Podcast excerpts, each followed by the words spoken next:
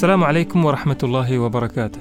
أهلا وسهلا بكم في الحلقة الخامسة من بودكاست السكة.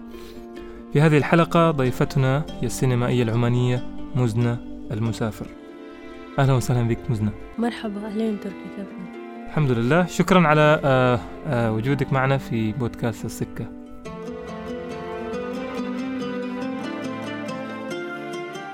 أنا سعيدة أنه اليوم في حلقة آه، على البودكاست بعنوان السكة وأنا سعيدة أنه أنا موجودة معاكم. إن شاء الله ينبسطوا المستمعين اليوم. إن شاء الله. ومزنة المسافر هي مخرجة سينمائية أنتجت العديد من الأفلام السينمائية والتي تميزت بطابعها غير التقليدي التي يمكن وصفها بالجريء. منطلقة من فكرة تؤمن بها وأن الفن ليس له قواعد ولكنها تسعى في, في نفس الوقت أن تضع أساسات للسينما في عمان حسب وصفها يعني آه مزنة تميزت أفلامك بالطابع آه الاجتماعي وأيضا معالجة قضايا ثقافية أو رؤى ثقافية معينة يعني وفي نفس الوقت وصفت بأنها بالجريئة حسب ما وصفتها يعني وصفها النقاد والصحافة أيضا هل هذا صحيح؟ هل أنت مخرجة سينمائية جريئة؟ أنا إنسانة جريئة جريئة في أشياء وخجولة في أشياء. آه، أحيانا أحس أن هذه الجرأة نقمة أحيانا أشعر أن هي نعمة. بس نفس الوقت أنا عندي خجل كبير آه، وأنا أعرف هالشيء. آه، بس يمكن في الفن أدور مساحة حرة أبتعد فيها عن الخجل بحيث أنه أنا أطرح شيء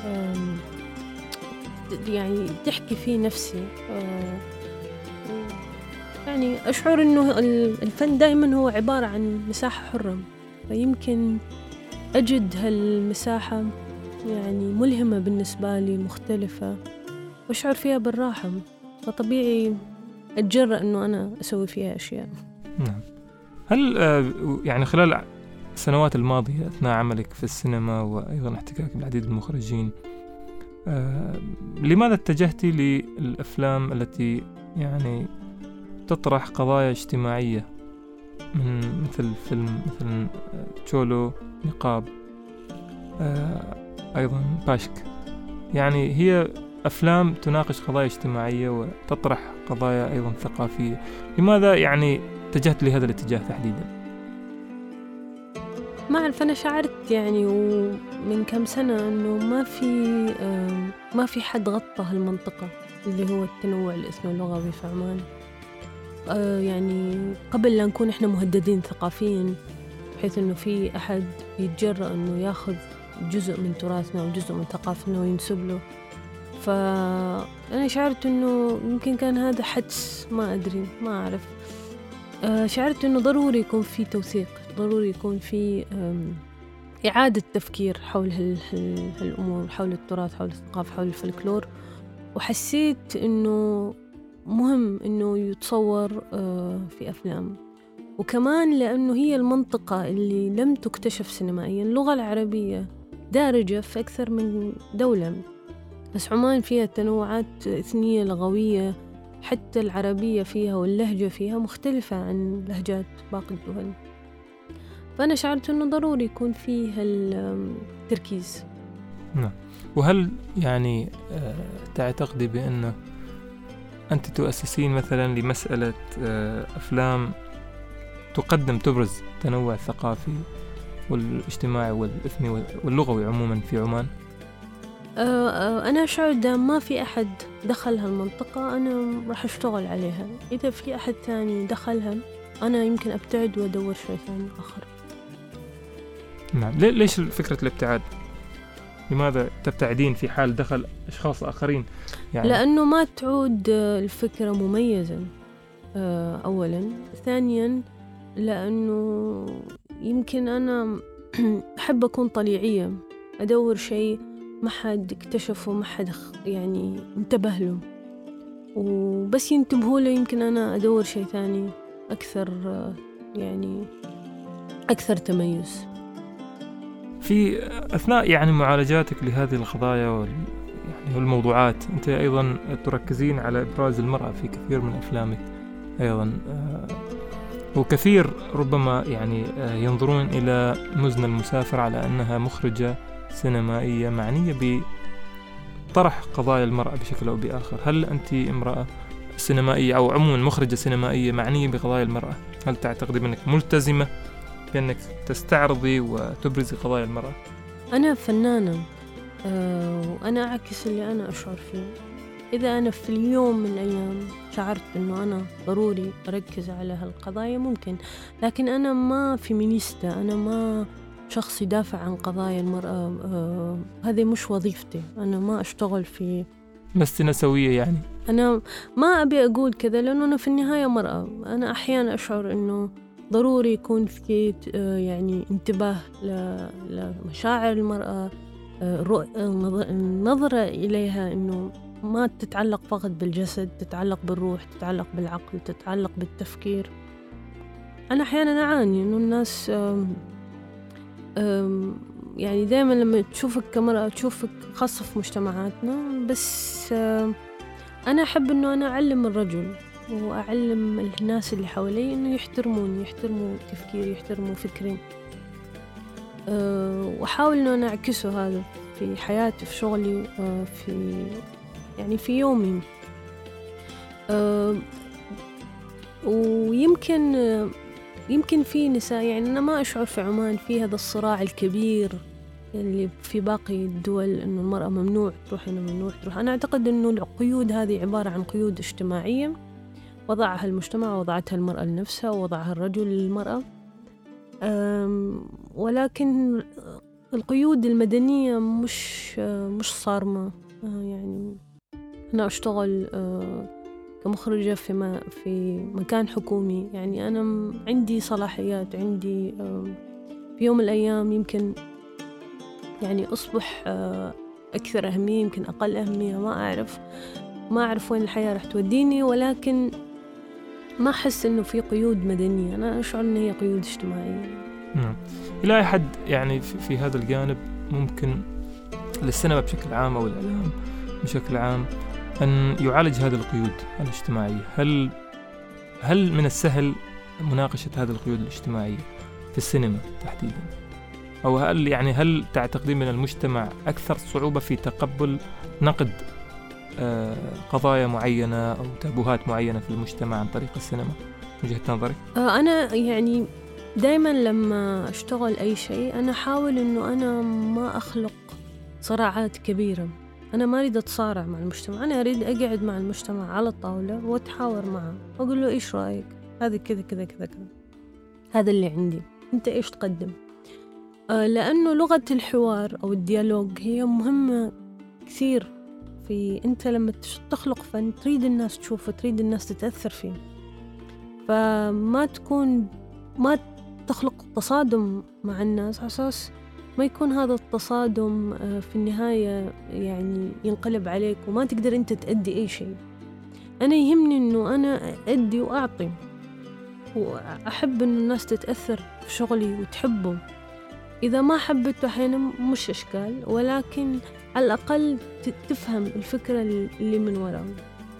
فأنا أؤمن بالحوار وأؤمن في خلق لغة رمزية آه، متعلقة بالعمل اللي أنت تسويه أو بالسينما.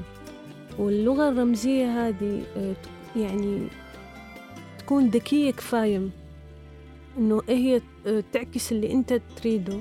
بدون ما يكون في تصادم واضح يخليك تتوقف عن العمل أو تتوقف إنه أنت تعطي. ويمكن في بعض الفنانين في بعض المجتمعات ممكن غصبا عنهم يتصادموا. وما في طريقة ثانية غير التصادم. لكن أنا أشعر إنه يمكن هذه طريقتي ويمكن أنا شوية كسولة. أعتقد إنه أحاول أصبر نفسي إنه عندي الصبر الكافي. إنه بعد كم سنة آه، الناس يعني تفهم الشيء اللي أنا أسويه. نعم. لاحظت يعني هذه نقطة الرمزية هي يعني أحد الأدوات اللي ممكن أن لا نقول يهرب ولكن يستخدمها في آه، في نقد قضايا أو طرح قضايا معينة. إلى آه، يعني هل تتعمدين استخدام الرمزية في أفلامك في أعمالك السينمائية؟ هل تجدين بأنه هو نوع من الخوف في المواجهة المباشرة لبعض الأفكار تستخدم فيها الرمزية في مناقشة الأحداث والقضايا مثلا. لا هو مش خوف هو نهج ولغة. آه، أنا أشعر أن الرمزية شيء ذكي لأنه أنا متأثرة بالشعر وأحب الشعر وأحب سينمات معينة. يمكن هذا هذا يعكس تأثري فيها. آه، فالرمزية في النهاية هي عبارة عن نهج أو مدرسة. الواقعية السحرية عبارة عن مدرسة. كل يعني هي عبارة عن مدارس أو عبارة عن نهج متبع في العمل. آه، هو أنا دائما أقول إذا أنت تخاف لا تشتغل.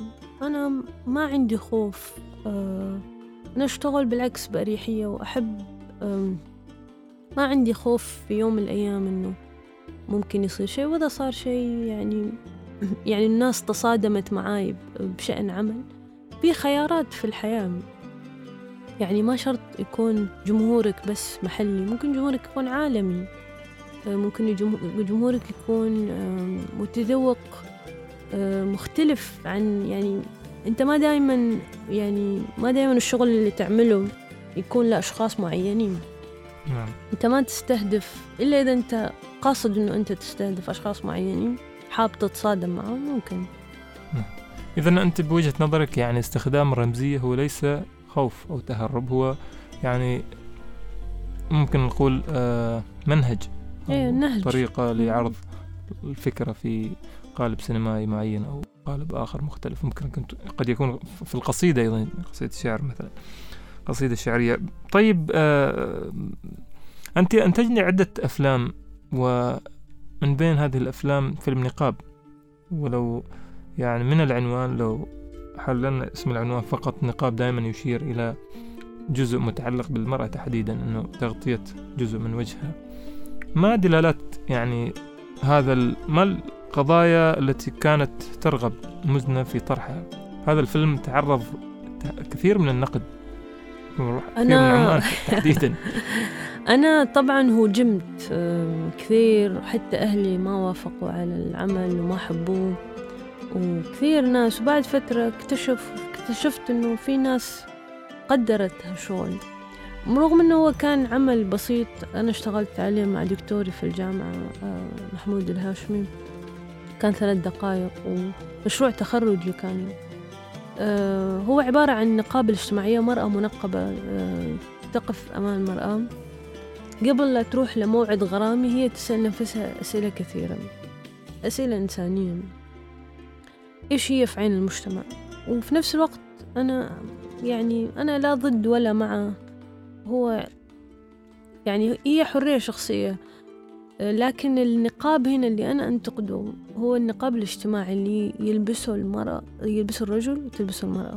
النقاب الاجتماعي هو يعني مثل صاير مثل طبقة عازلة. آه، إحنا ننافق لأنه إحنا عندنا نقابات وأقنعة اجتماعية. تبعدنا عن ذاتنا وعن نفسنا. وما نعرف إحنا إيش في عين المجتمع. لازم نتشكل حسب ما المجتمع يريد. في حين إحنا ما نقدر نتشكل حسب ما إحنا نحب. إذا هو نقاب يعني ممكن نقول يعني رمزي.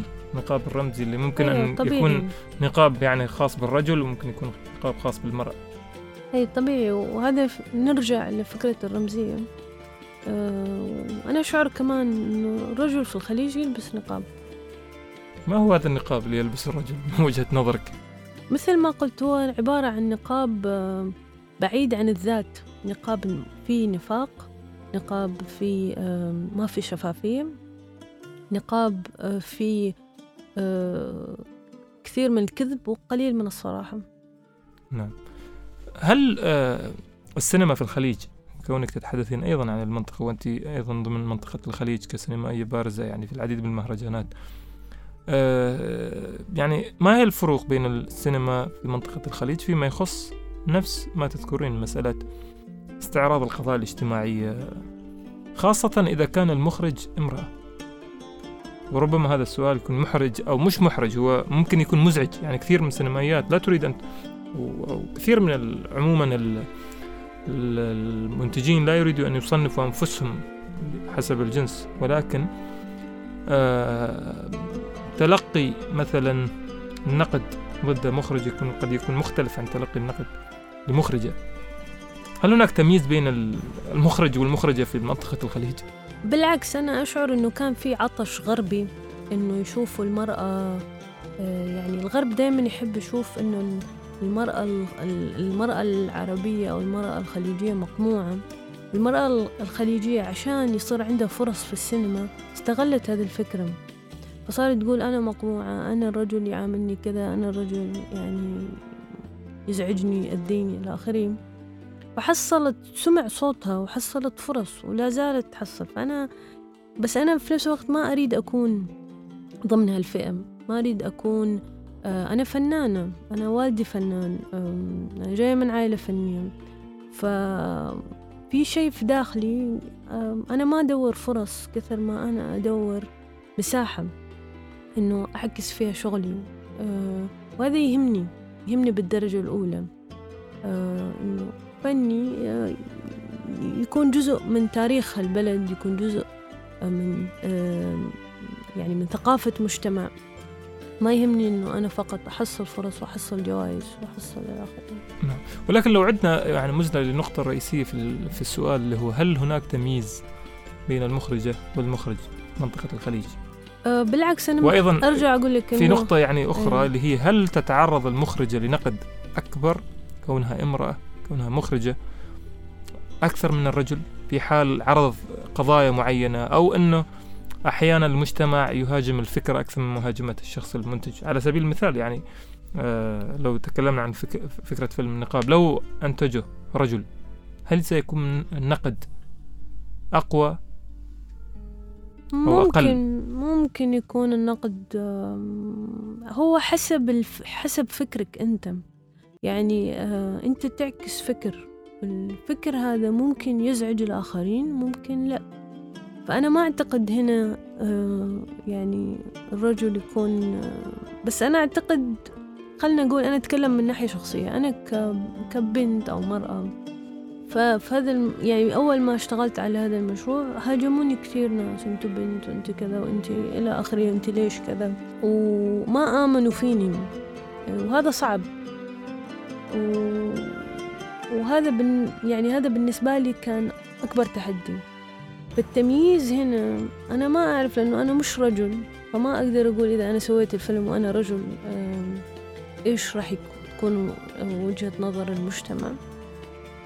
لكن أنا أقول لك المرأة الحين في الخليج عندها فرص أكثر من الرجل المرأة الخليجية المخرجة.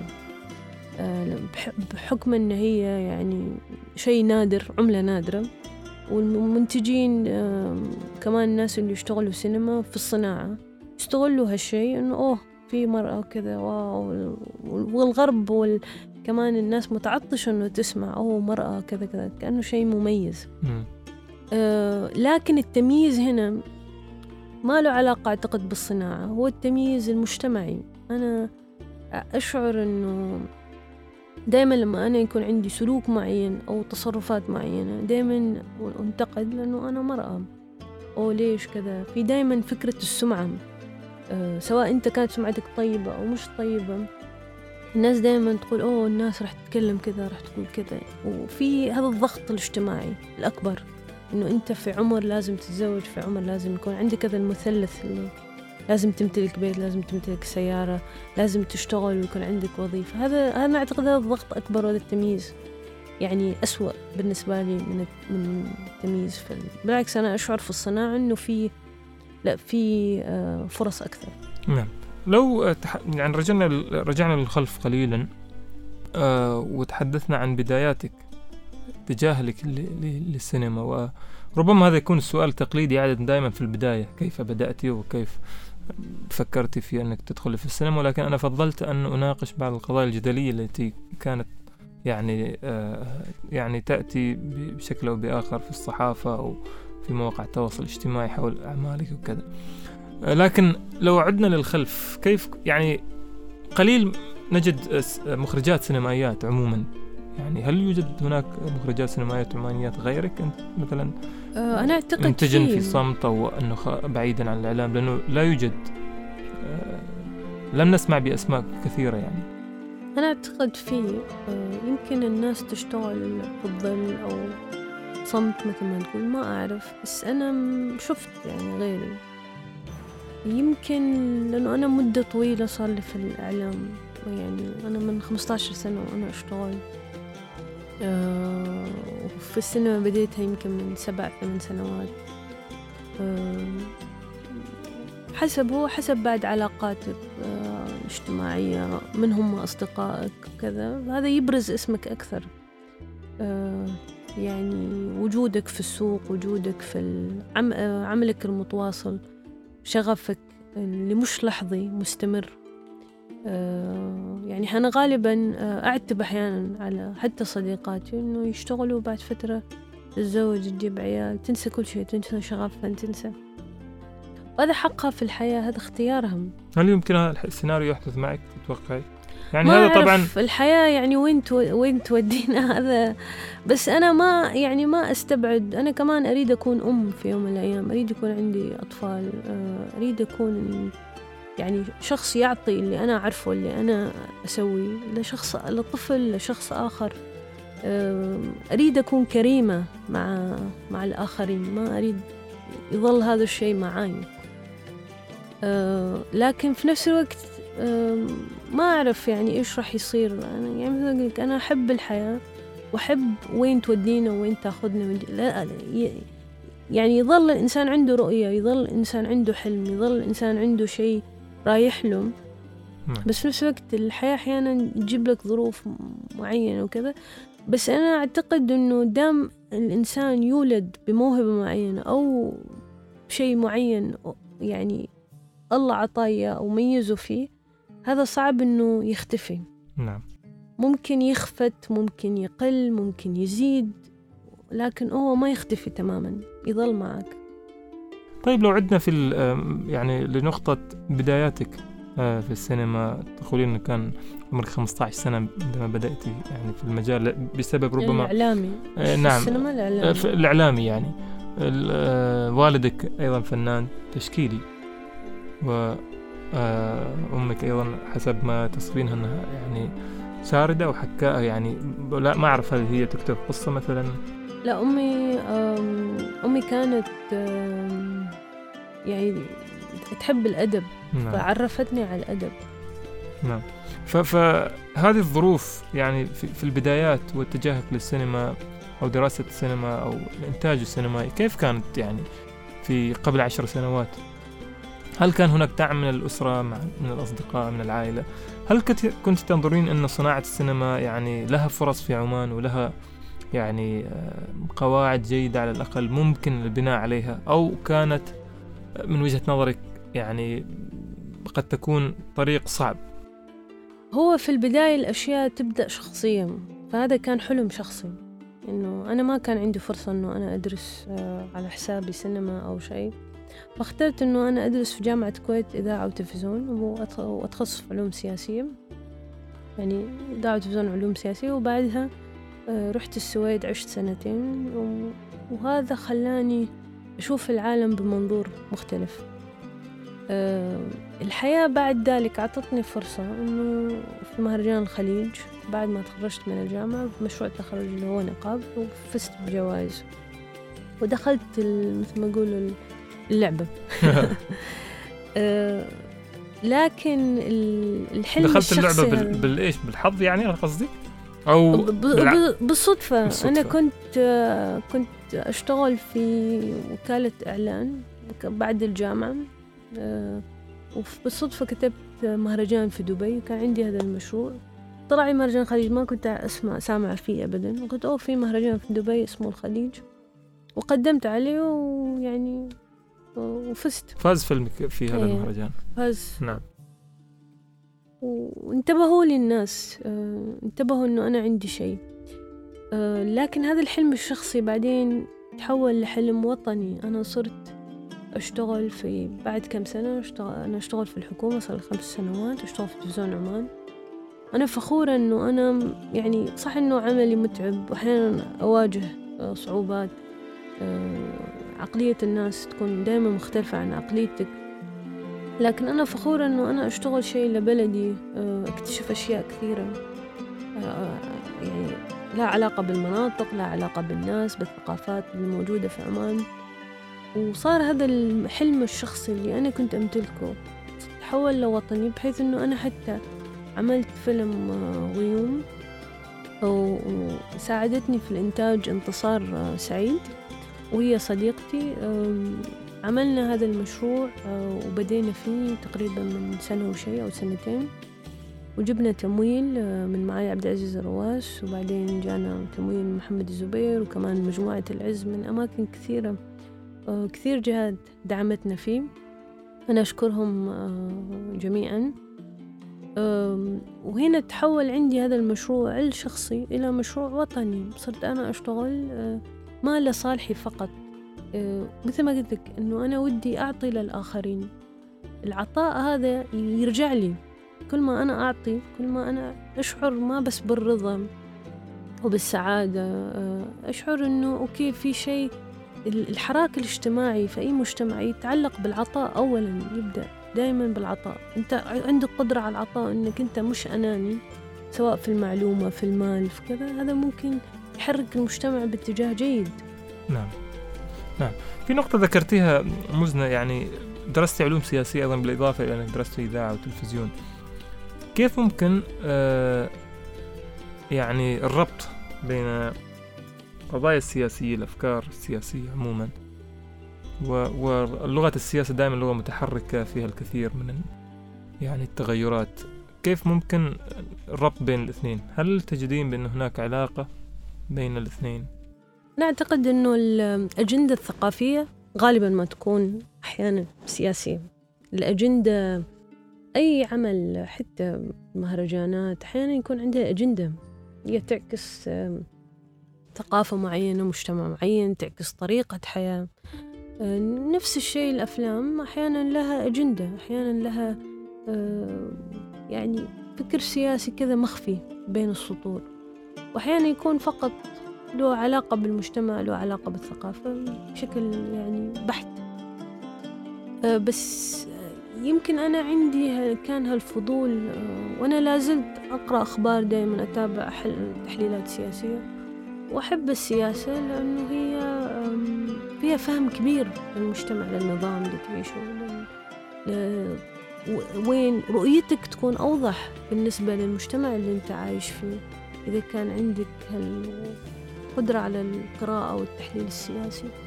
في نفس الوقت التاريخ كمان يدعم آه، أي شغل أنت تشتغله يعني لما لما تشتغل أي مشروع آه، سواء تشولو اللي أنا اشتغلته في زنجبار أو مشروع غيوم اللي هو سنتين بعد ثورة ظفار. بس هو ما تشوف أنت أي شيء له علاقة بالثورة. نعم أنا راح أتكلم عن غيوم في جزئية آه، خاصة يعني أكثر. بس في نفس الوقت مزنة يعني إلى أي حد ممكن أنت يعني خلال دراستك للسياسة العلوم السياسية وأيضا اهتمامك بالسياسة كيف تعالجين الجانب السياسي في أفلامك؟ أنا ما أعالجه بشكل ما عندي يعني م... أنا يعني لا أقصد المعالجة الفنية أو الدرامية مثلا على سبيل المثال أو الحبكة في قضايا سياسية ولكن أتحدث هل تشيرين لها يعني ممكن أحيانا قضية اجتماعية معينة هي تعالج أيضا وضع سياسي معين هل ترغبين في الدخول لهذه المنطقة أو أنك لا تحبين الدخول فيها.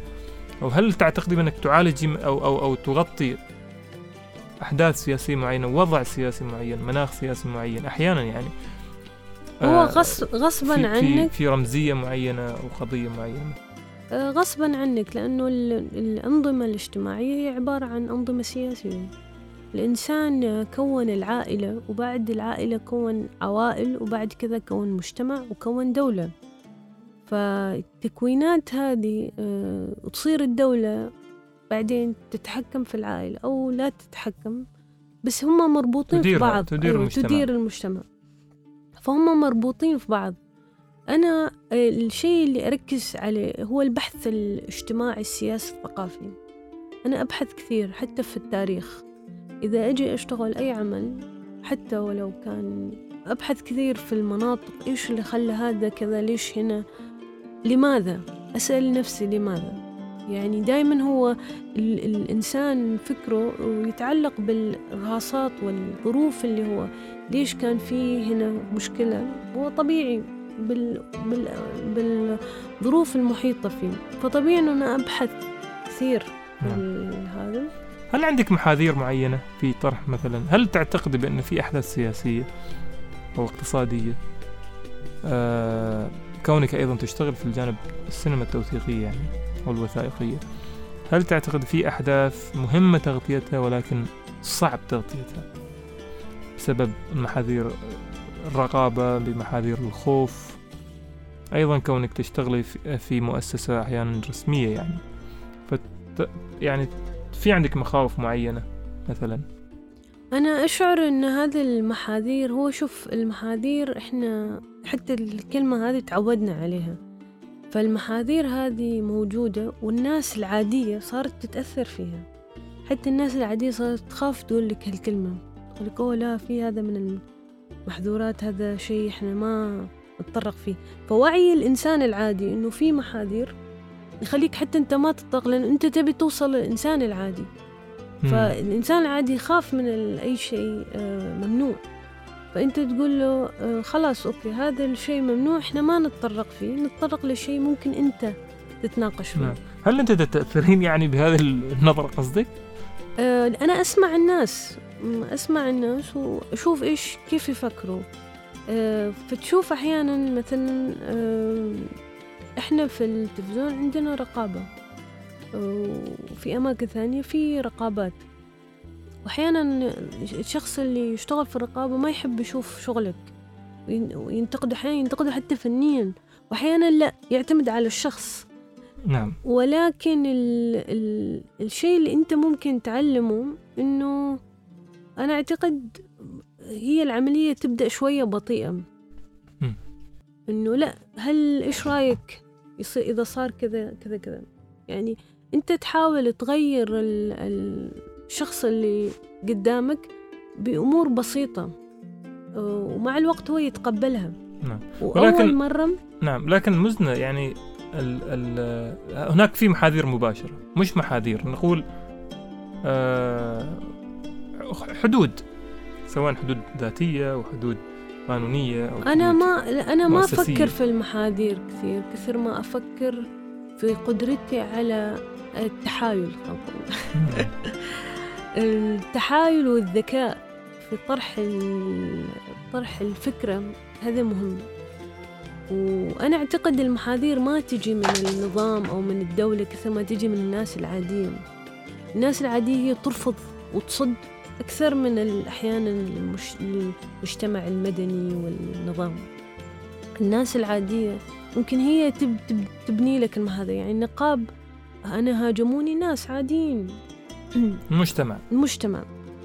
فالمجتمع أحيانا أحيانا مثل ما قلت كنا نتكلم قبل الهوا إنه آه، أنا يعني ما ألبس حجاب في الدوام وأنا يعني القانون يحميني يعني أنا ما لازم أدخل العمل وأنا لابسة حجاب.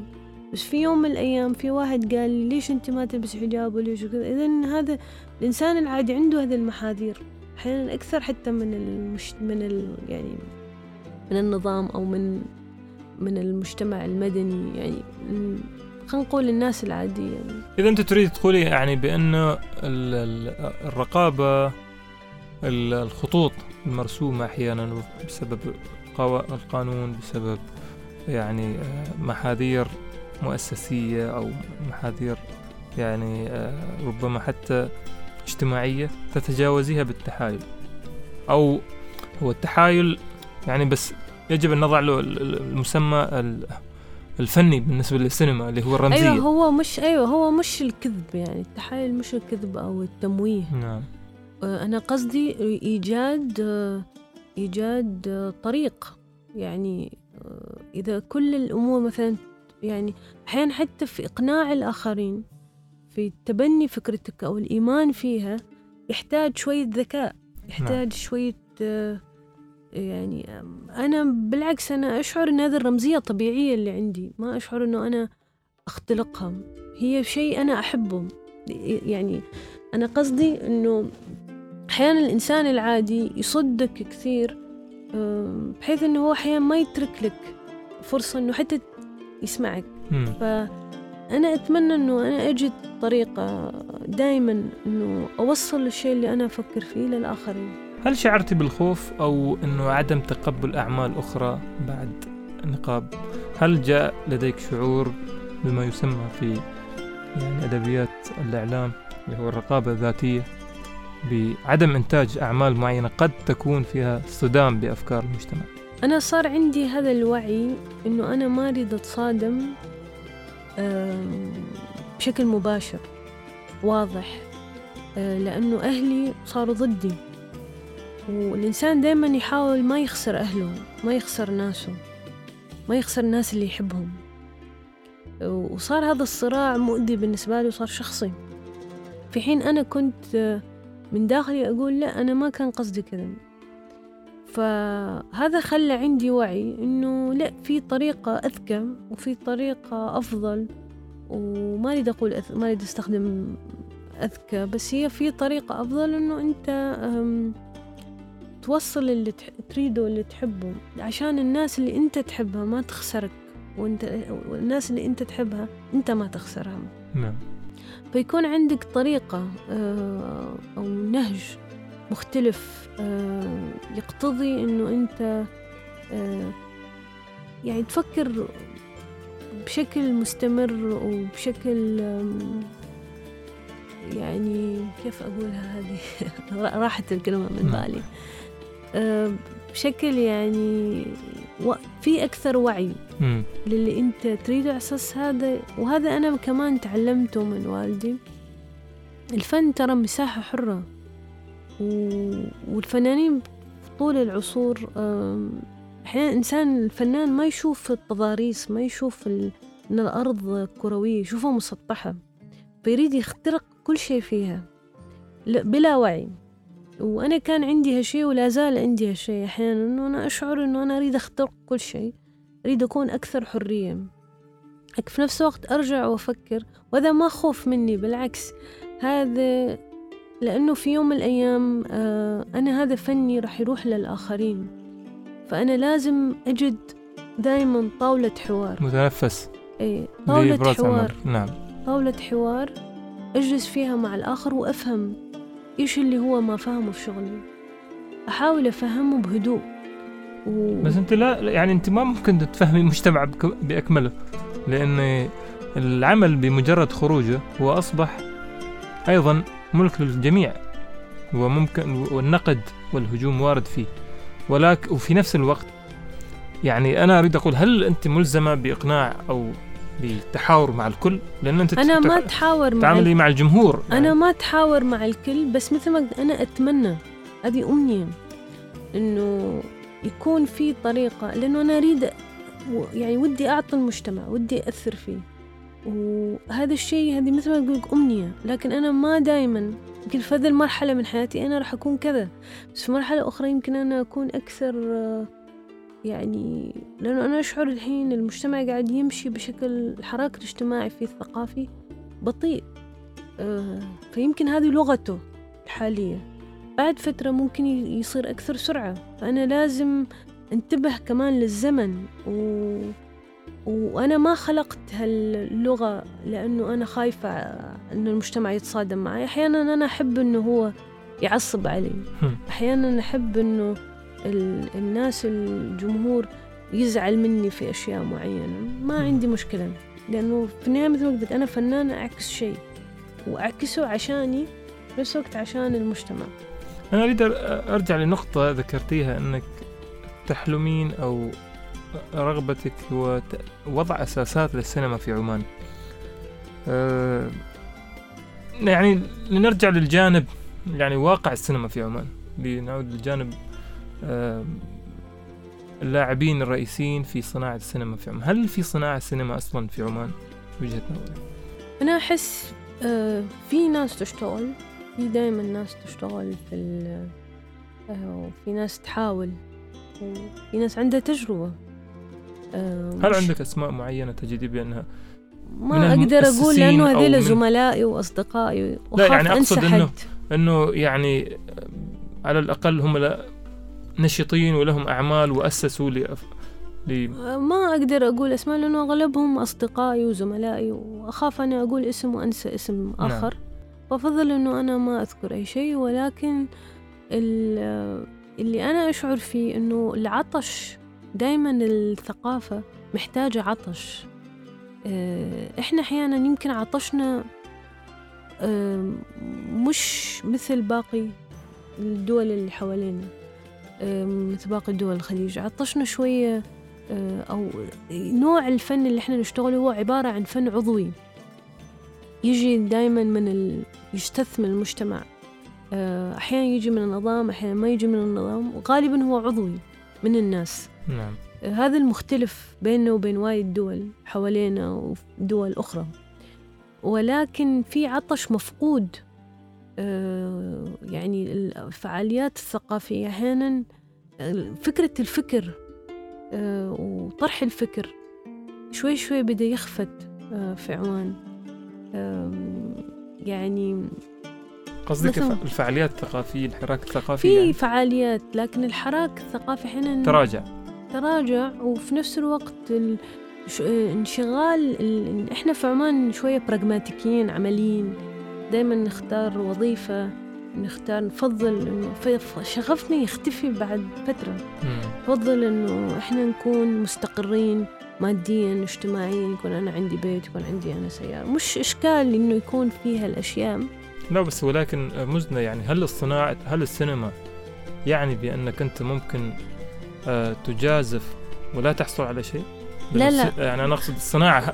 هنا هذا يقودنا لسؤال يعني هل يوجد صناعة سينما في منطقة الخليج بحيث ما ما ضروري إنك أنت تكون متقشف ولكن الفكرة العطش هذا أنا أذكر وأنا أصغر في العمر كان عندي هذا يعني كأنك أنت حصان تركب حصان وما ما في شيء يوقفك. منطلق. إيه بس إحنا بس نتوقف. يقل سرعة الحصان يصير في آه، في شيء نفقده. الشغف نعم. هذا مش شخص الشغف هذا ما يكون دائما مستمر ولكن يكون لحظي نعم أنا لكن هذا الشغف الذي يعني يخفت شيء في شيء أكيد في مسببات يعني ما الذي يجعل مثلا سينمائي متحمس شاب آه لديه قدرة على أنه يعني آه إنتاج أفلام سينمائية قوية جيدة منافسة فجأة يخفت معه آه آه. هذا الرغبة والحماسة يعني في مسببات ما هي مسببات؟ في أكيد مسببات اللي لها علاقة بالدعم. لها علاقة بالتكوين المجتمع الضغط الاجتماعي. إنه أنت ليش آه ليش أنت فنان؟ ليش أنت كذا؟ لازم أنت تظل شيء يعني أنا يعني أنت تلقي اللوم إذا على المجتمع. آه لا أنا ألقي اللوم على الشخص أولا اللي اللي فقد هالشغف و, و ومفروض يكون عنده أكثر وعي. إنه هذا الشغف اللي هو قاعد يحركه. ويعرف هل هو شغف لحظي هل هو شغف مستمر. وأنا مثل ما قلت الفنان لا يتوقف الفنان الحقيقي ما ما يوقف على شيء. مهما كانت الظروف مهما كانت يظل في شيء لازم هو يعكسه ويعطيه ويمنحه للآخرين. ولكن أنا أعتقد كمان هي الظروف الاجتماعية الظروف المادية تأثر آه، يعني هو نظرتك أنت كمان للحياة.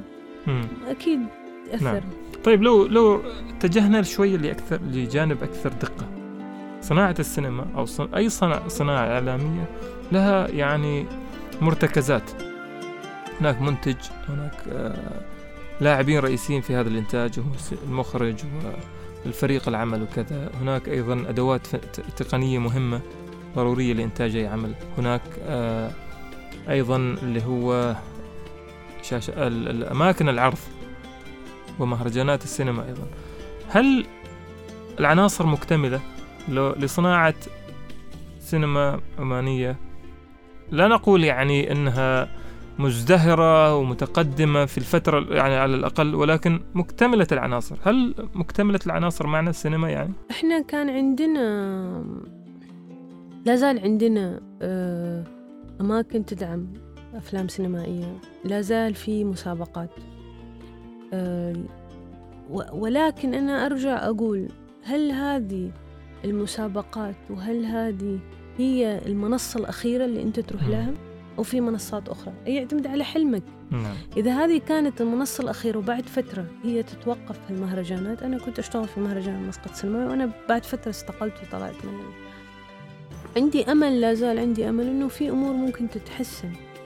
أه لأنه أنا شعرت إنه ما في دعم للشباب ما في دعم أه للناس اللي تحب السينما أه من الشباب أه والشيء الآخر إنه مثل ما قلت في أماكن ممكن لكن أنت هل منصتك الأخيرة هي محلية؟ أكيد أنت راح تتوقف إذا كان عندك منصة عالمية رايح لها وحاط في بالك إنه خلال خمس سنوات أو عشر سنوات لأن الحياة في النهاية صعبة ما في شيء ما يستحق الصبر يعني. كل شيء صعب خاصة في وقت في انستغرام وفي أشياء كثيرة بصرية. المجتمع صار يشوف أشياء أخرى ف يعني قدرتك أنت على أنك أنت تخلي الأشخاص ينتبهوا لشيء أنت تفكر فيه هذا وايد صعب. نعم. وإيمانهم بالشيء اللي أنت تفكر فيه هذا كمان صعب. بس هو يستحق المجازفة يستحق أنك أنت تجرب. نعم. آه، أنك أنت طيب. تغامر. طيب أنت خرجتي من مهرجان مسقط السينمائي وكنت أيضا عضو في آه، جمعية السينمائيين العمانية والكل يعرف يعني آه، عدة جمعيات يعني واجهت مشاكل وتحديات واختلافات بين الأعضاء و هل آه، تحديات تواجه جمعية السينما لها تأثير لها يعني ممكن نقول يد فيما يحدث أو في تأخير تطور السينما في عمان؟ لأنه وأنا لا أريد أن ألقي اللوم على مؤسسة لأنه لست في محل الحكم الآن. أنا أسأل يعني هل هناك مؤسسات مثل جمعية السينمائيين على سبيل المثال كنت عضو فيها وقلت أنك استقلت منها هل لها دور في بطء في أنه يعني ضعف على سبيل المثال أو أنه يكون أحد أسباب هذه التحديات يعني؟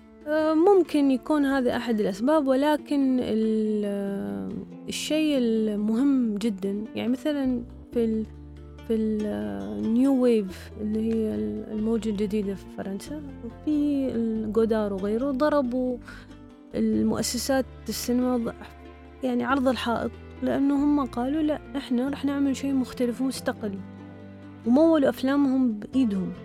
نفس الشيء الدوغما ستايل في الدنمارك عملوا نفس الشيء. السينما الإيرانية قالت أنا لا أنا ما أريد أتبع آه، أمور محددة. أنا أروح للعالمية هذا خلاها تروح للعالمية يعني تجاوز الحدود المحلية.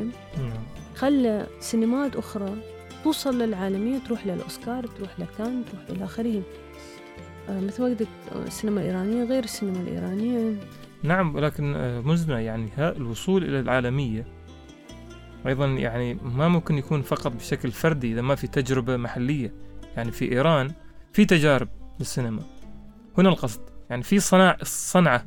في صنعة سواء منتجين وفي... وكتاب و يعني وما إلى ذلك من عناصر مهمة في أن يكون هناك إنتاج سينمائي.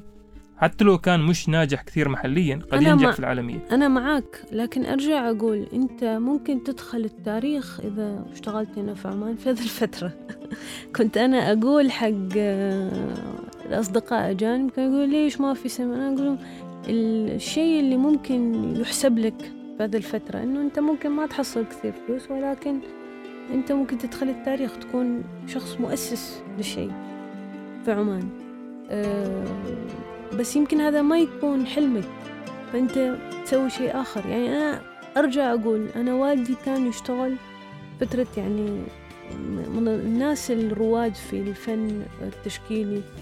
آه، أسماء كثيرة. آه، ما كان عندهم يعني الفرص الإنترنت اللي إحنا عندنا اليوم. ما كان عندهم حتى في عصر آخر يعني الفنان طول عمره ما دائما الفنان أتيحت له كل الفرص. نعم.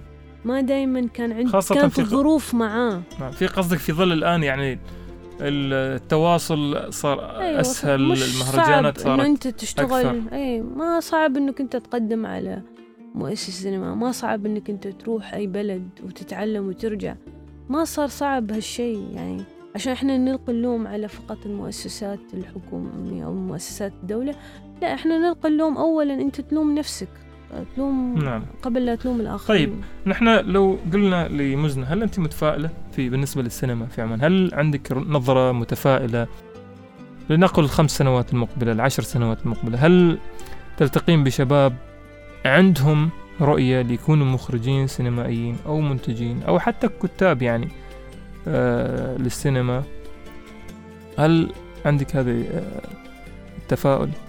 أنا. متفائلة وأشعر إنه الفن اللي راح يطلع من عمان هو فن مختلف وراح يكون فن عضوي يجي من الناس هو فن مختلف لأنه التيارات الدينية السياسية اللي يمر بها باقي يعني باقي دول الخليج مختلفة عن عمان لأنه هي آه، عندها نمط مختلف فال الفن اللي راح يطلع من هنا والفن اللي قاعد يطلع من هنا دائما راح يكون عضوي ومختلف يعني راح أرجع أشرح الفكرة إنه مثلا في دول الخليج أنا عندي زملاء من دول الخليج دائما هم آه، عندهم أفكار يعني طليعية وذكية وتقدمية.